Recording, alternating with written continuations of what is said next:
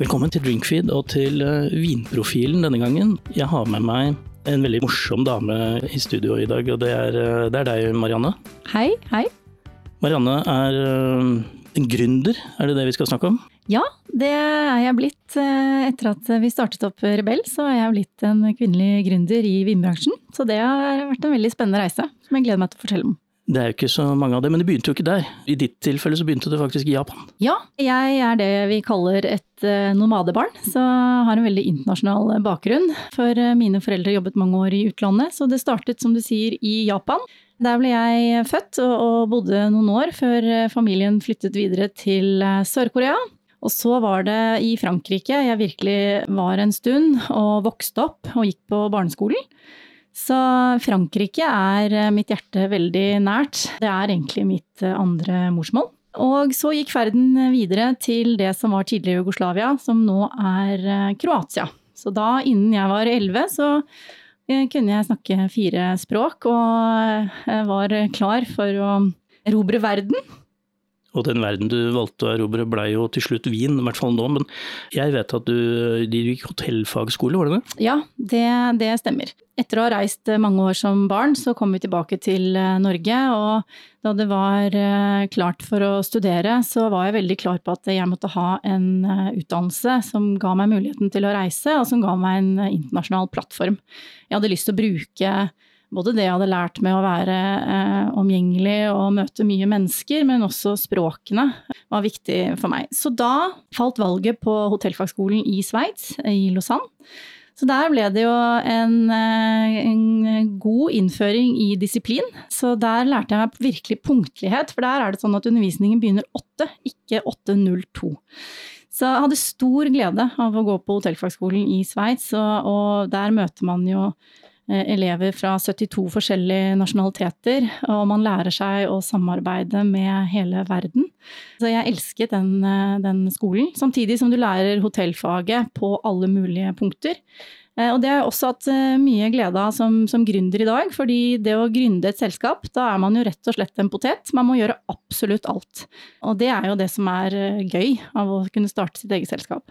Du hoppa jo ikke rett inn i Wien. Du hadde en sånn kort, kort, kort stopp innenfor kaffe? Ja, eh, og før kaffe så jobbet jeg egentlig også internasjonalt innenfor hotellfag. Så, så, jeg og mannen min flyttet til New York, og der jobbet jeg for eh, The Mandarin Oriental Hotel Group. Veldig spennende tid også i, i New York, hvor plutselig Sharon Stone kunne stå i resepsjonen, eller uh, Sylvester Stallone osv. Så, videre. så det, det var en spennende tid. Før jobben da tok meg til Hongkong. Så der flyttet jeg også sammen med, med mannen min. og det var da jeg begynte å jobbe i Nespresso. Eh, og det var også et veldig tydelig valg, for det handler jo også om smak, i likhet med vin. Så snakker man jo om eh, aromaer og kompleksiteten eh, osv. Så, det var et veldig, veldig spennende år å jobbe også i Hongkong, og da var vi også helt i startfasen av Nespresso. Så det var jo også litt å bygge opp. Veldig spennende tid hvor man skal prøve å få kinesere som drikker stort sett te, til å drikke kaffe. Eh, det var en stor utfordring, og de gryntet ganske mye på nesa når de fikk seg en eh, espresso. Men det var litt av moroa og utfordringen å kunne ja, få den som var vant til å drikke te, til å, til å prøve seg på kaffeeventyret. Så det var der det startet, før jeg da dro tilbake til Oslo og fortsatte i Nespresso. Men jeg ser en sånn rød tråd her, fordi når du da flyttet over til vinbransjen, så var det også et ganske nytt selskap som, eh, som du kom inn i. Eller altså, du begynte i Arcus-gruppen, mm. men eh, da innenfor vin. Og det var da de formet det som i dag heter Vingruppen. Eh, så du var med på den starten også? Ja, så jeg har vært med egentlig på, på mange oppstartsfaser. Fordi eh, også da jeg startet eh, med Nespresso i Oslo, så var det faktisk sånn at eh, callsenteret var en eh, liten mobiltelefon som kanskje ringte en gang i måneden. Og i dag så sitter jo kundesenterveiledere over hele verden, og du kan ringe dem 24 timer i døgnet, så det var en reise. Og det er helt riktig, når jeg også da dro til, eh, til Arcus og, og begynte å, å, jobbe der og forvaltet eh, ganske store vinagenturer, så, så, var vi med på en reise på å bygge opp en ny profil som skulle hete Vingruppen. Og for dere som hører på nå, så har dere garantert, uh, i hvert fall hvis dere er litt uh, interessert i vin, da, og ikke bare kvinnelige gründere her, så hvis dere er interessert i vin, så har dere garantert vært borti en del av de merkene som Marianne har vært med å bygge opp. Nå skal ikke vi ramse opp de her i dag, men det, det er jo en, en, artig tanke å vite at mye av de vinene du har vært med å få inn i Norge, nå er etablert mm. gode merker. Absolutt, og, og, jeg var jo veldig heldig å få lov til å jobbe med Frankrike, som står mitt hjerte veldig nært, så jeg forvaltet jo noen veldig store agenturer der. Var heldig å få være veldig mye i Chablis-området, Bordeaux, i Provence, i alle disse områdene som, som er helt uh, fantastiske i den jobben. Så jeg følte virkelig at uh, ved, etter å ha flyttet hjem, at jeg hadde på en måte et øye ute i verden da, gjennom jobben min. Så Frankrike var det ene, men jeg jobbet også mye med Tyskland, en del med Italia, altså store deler av Europa reiste jeg jo rundt i da, hadde mange mange reisedøgn rundt omkring i verden. Det er jo noe av gleden med, med, denne bransjen, at man får lov å, å, bevege seg rundt. Men når dette begynte å skal vi si, sette seg i vindgruppen, mm. så ga du ikke du det mer? Nei, altså du kan si at eh, jeg hadde vært der i syv år. Jeg følte at eh, jeg lærte veldig mye. Det var en, en flott tid. Men så har man jo alltid kanskje en drøm inni seg om at man en dag kan eh, starte noe for seg selv, gjøre noe helt på egen hånd. Og så er det dette med timingen, da. Når passer det? Når er det man kan gjøre det? Men så var det en, en, en, fin gjeng som begynte å snakke sammen, og mennesker jeg stolte på, og som jeg følte at eh, de ville være en inspirasjon i jobben hver dag. Så da begynte, da begynte vi å så frøet om eh, Rebell, da. Ja, og Rebell, eh, det navnet er ikke valgt helt tilfeldig, for dere ønsker jo å være litt, litt slemme, litt uskikkelige i bransjen, er ikke det poenget? Jo, altså tanken er jo at vi skal være et eh, friskt pust i eh, vinbransjen. Og at vi skal våge å tenke nytt. Og skape ting som er spesialtilpasset eh, både for den norske konsumenten, men også for hotell- og restaurantbransjen. Jeg tenker, Vi har jo hatt uh, en representant fra Rebell her tidligere og snakket mm. om akevitt, nemlig Ivan Abrahamsen. Så vi, mm. vi, vi, skal ikke gå så dypt inn på det akkurat nå. fordi vi har lyst til å høre litt mer hvordan er det å være en kvinnelig gründer i vinbransjen. Vi vet, vi snakket før her om at uh, vi har klart å grave opp to, mm. pluss deg. Mm. Det, det, kan være flere, men i hvert fall de som, uh, som er mest tydelige. Hvordan er det? Ja, altså det er som du sier, det er jo en forholdsvis mannsdominert eh, verden, akkurat det å drive med eh, import. Så det å våge å hoppe ut i det er eh, litt skummelt i begynnelsen. Men så må jeg si at eh, så langt så har det bare vært eh, veldig positivt. Jeg har fått utrolig mye heiarop og, og folk som støtter og, og, heier på Rebell eh, hele veien. Det alltid, vil alltid være noen spisse albuer blant konkurrentene våre, og det må vi egentlig bare regne med når man starter et eget selskap, og kanskje spesielt når du velger å kalle det for Rebell. Så, så, så må man våge, tørre å ta litt Ja, for dere legger jo på en måte hodet litt på blokka her.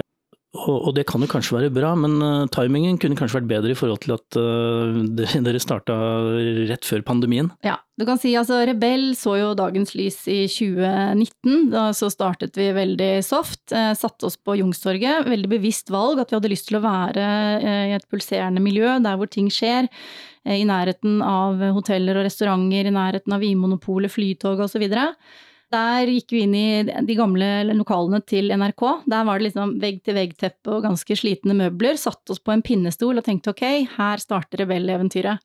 Og så begynte vi gradvis å bygge opp porteføljen vår, startet eh, med idémyldring og, og med masse pågangsmot. Fikk pusset opp noen lokaler som vi da skulle innvie i januar 2020. Og 12. mars, som vi alle vet, så, så stengte hele Norge ned. Men uh, dere har jo overlevd, uh, i hvert fall så langt? Så absolutt. Så det gikk en uke hvor vi alle var litt i kjelleren og var veldig spente på hvordan dette kom til å gå. Eh, og vi begynte jo selvfølgelig å lære oss nye teknikker, da, som alle andre. ikke sant? Dette med Teams og digitale møter og andre møteplasser for å, å snakke business. Så når vi hadde funnet ut at dette funket egentlig ganske greit, så fortsatte maskineriet for fullt. Og vi omstilte oss lite grann og tenkte på litt nye prosjekter med tanke på at eh, hotell- og restaurantbransjen lå ganske nede, så valgte vi et fokus ut mot eh, Vinmonopolet. Ja, for nå, nå, begynner vi å nærme oss uh, essensen her. Dere klarte å ruske opp i uh, Vi kan begynne med brennevinet. Dere rusket litt opp i akevittbransjen med å lansere den første rosa akevitten. Ja. Dere som vil høre mer om den rosa akevitten ordentlig, dere kan jo finne fram til den episoden vi har med Ivan Abrahamsen og rosa akevitt, men uh, hvorfor rosa akevitt? Nei, altså Vi lovet oss selv da vi startet Rebell at uh, vi skulle skille oss ut. Det er ganske mange importselskaper i Norge, og for å kunne gründe et nytt selskap, så er du nødt til å komme med noe nytt. Uh, og selv om vi er bransjeveteraner, så, så, er vi også en veldig kreativ gjeng som, som jobber sammen.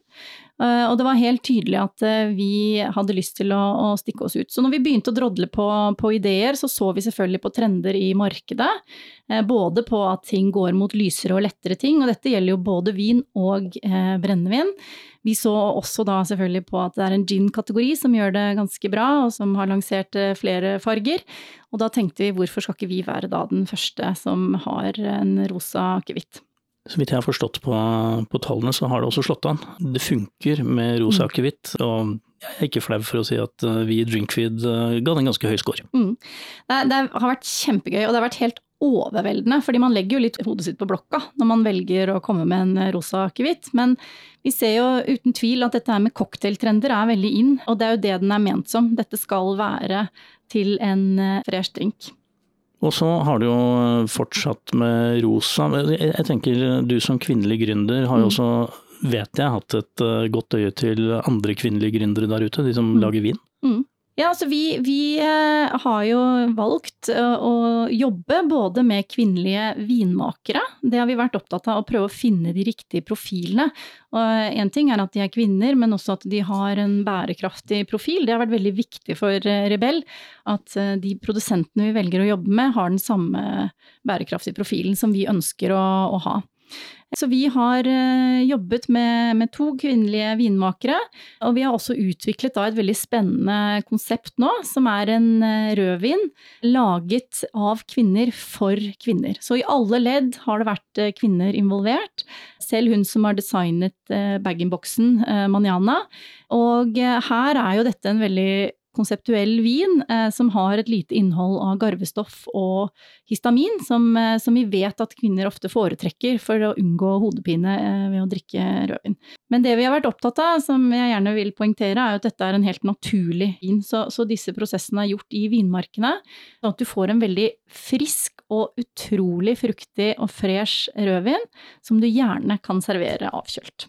Og eh, den oppsummeringen burde jo treffe si, den kvinnelige målgruppen eh, ganske midt i, vil jeg tro. Mm. Og det er det vi, vi, ser, at eh, ved å skreddersy ting og involvere både smakspanel og folk som synser om designet, så får vi et veldig vellykket prosjekt. Og dette lanserte vi nå i, i, mars, og vi ser allerede at vi har fått en veldig god distribusjon og veldig god oppmerksomhet i media på akkurat dette produktet her. Ja, og hva dette mediet mener, altså i Drinkfeed så kommer vi til å kjøre en test på denne sammen med andre lyse og lette rødviner nå frem mot sommeren. Så det kan dere jo glede dere til. Men du, du har altså med deg en uh, rosévin. Vi skal ikke smake på den, men den ser jo fantastisk uh, sommerlig ut. Mm. Uh, er det også en kvinnevin? Ja, altså du kan si at uh, her har vi valgt ut en, en vin som vi mener kommer definitivt til å appellere til kvinner. Da vi både smakte den og, og så designet, så, så, var vi solgt uh, hele gjengen. Eh, men så skal det jo sies at rosévin er jo ikke bare for kvinner. Og eh, det er jo faktisk slik at i Frankrike så drikkes det mer rosévin per capita enn hvitvin. Og vi ser jo at i Norge så er den trenden også på vei dit. Altså både at vi drikker rosévin mer gjennom hele året, men at det er like mange menn og kvinner som, som våger seg til å ta et eh, glass rosévin. Og det det er jo helt riktig, for det har jo skjedd en liten revolusjon innenfor rosévin-kategorien eh, hvis man ser ti år tilbake. Eh, både kvalitetsmessig, fargemessig, designmessig, altså alt. Så, så jeg slår et ordentlig slag for eh, rosévin. Nå går vi jo inn i den fantastiske sesongen også, hvor, hvor, det er naturlig at det kommer på bordet. Og er jo liksom den perfekte følgesvennen til sommersalaten og kyllingen og grillen og bare ja, terrassekosen. Dere gutta som hører på nå, som har fulgt oss så langt ut i programmet, dere kan jo vurdere å ha litt rosévin til plingparty da, på neste Champions League-match. Det syns jeg så absolutt. Det burde de. Ja, så absolutt. Det tror jeg de kommer til å bli positivt overrasket. Og hvis det skulle bli for femi, så kan dere ta litt rosa akevitt av ved siden av. Nettopp! Da blir opplevelsen komplett! Ja. Dette er jo veldig morsomt, Marianne. Hvor går veien videre for disse opprørerne i Rebella? Altså, vi er jo et kjempefint team, som jeg sa. Vi er jo bransjeveteraner, så vi har en tyngde i forhold til, til kunnskap. Så vi jobber jo eh, veldig systematisk eh, videre med å bygge opp porteføljen vår. Eh, og vi er veldig stolte av den porteføljen som vi har i dag. Vi jobb, jobber med familiedrevne vindselskaper hvor vi kjenner eierne og vi kan lett ha en god dialog med de. Eh, vi kan få til produkter på markedet ganske kjapt. Og som jeg nevnte, så er det viktig for oss at vi har vinprodusenter som som jobber i takt med naturen, og som har den bærekraftige filosofien. Så vi har en fantastisk tysk portefølje som vi er veldig stolte av. Og vi jobber med gode produsenter i Frankrike. Vi har en fantastisk champagneprodusent, så vi bygger sten for sten. Nå har vi akkurat tatt over et ganske stort eh, hus i Burgund som vi gleder oss til å eh, jobbe med videre. Og så ser vi på fremtiden som veldig lyst. Vi, vi, jobber både med å skape egne merkevarer, som annet Manjana. Eh, vi har også en annen bag-in-box på markedet som vi har lansert nå, som er egne merkevarer. Det er en viktig del av det. Vi jobber med, med sprit, men også selvfølgelig da med agenturvirksomhet. Så vi kommer til å vokse uten tvil, og det er veldig mye spennende som kommer allerede til, til høsten. Vi skal spørre Marianne, du må velge én vin. Mm. Ikke merke, men en type vin som du Det er bare den du får lov å drikke resten av livet. Som sikkert blir kjempelangt. Hvor, hva hadde du plukka ut da? Der tror jeg de fleste som kjenner meg vet at svaret er champagne. Jeg er veldig glad i eh, champagne, og jeg har vært heldig og fått lov til å reise der mye og jobbe med en fantastisk produsent som heter Mai. Så definitivt, det er noe eh, fantastisk med det å ha disse boblene. Det er noe festivt med en gang. Og som jeg sier, det er ofte på mandager vi fortjener å ta oss et glass champagne, eller på, på, en litt kjip dag hvor noe dumt har skjedd. For det løfter deg med en eneste gang. Og det er en nydelig kompleksitet og, og så mye lag i, i, en champagne. Så det er vel kombinasjonen av veldig god smak og litt den derre festive eh, aktiviteten da, som, som, følger med et, et glass champagne når Marianne begynte å snakke om champagne her, så fikk hun litt sånn diva-aura over seg. Det var, det var, veldig morsomt. Jeg begynner å bli lei meg, for nå må jeg gjennom en hel helg før jeg kan drikke champagne på en mandag, kjenner jeg. Ja. Nei da, altså champagne det kan du drikke egentlig når som helst. Men, men, eh, og det er jo gøy med vin, fordi man er aldri utlært. Så jeg tenker at uh, om du ikke vil drikke champagne, for det koster jo litt, så er det veldig mye bra innenfor musserende kategorien. Og, og, alt fra Prosecco til Cava til Cremant, det, det er jo uendelig med muligheter. Vi skal straks runde av eh, denne episoden og si tusen takk for at du ville stille opp og være vinprofilen vår, eh, Marianne. Hvor eh, går ferden når du får lov å reise igjen til slutt? Når vi får lov å dra, hvor drar du da først? Ja, det er et uh, godt uh, spørsmål, for uh, vi har jo hatt så mange reiser som har vært avlyst, så jeg tror rett og slett at det må bli en turné. Men det blir altså i, i Europa, det, er det. Så det blir nok en tur innom Frankrike, Italia, Spania og Tyskland, tenker jeg. Men så har jeg også lyst til å si at jeg tror jo at vår bransje eh, må se seg selv i speilet litt grann, i forhold til reisedøgn. Med tanke på det vi har vært igjennom og den pandemien, så tenker jeg at vi må lære litt av det. Og jeg tror og håper at vi som jobber i denne bransjen kommer til å redusere reisedøgn, tenke mer effektivitet når vi planlegger møter og, og smakinger. Ikke minst så vet vi jo nå at det funker helt fint eh, på Teams. Så, så, kanskje komprimere, da. Så Det er derfor jeg mener en turné. Så hvis man liksom skal reise, at man på en måte prøver å kombinere dette her. Men altså, jeg skal si, jeg gleder meg veldig. For det er to år siden jeg var ute og reiste sist. Og med den nomadebakgrunnen jeg har, så sier det seg selv at eh, det klør litt i fingrene. Og så er det nesten så jeg ikke husker hvordan man kommer seg til Gardermoen lenger.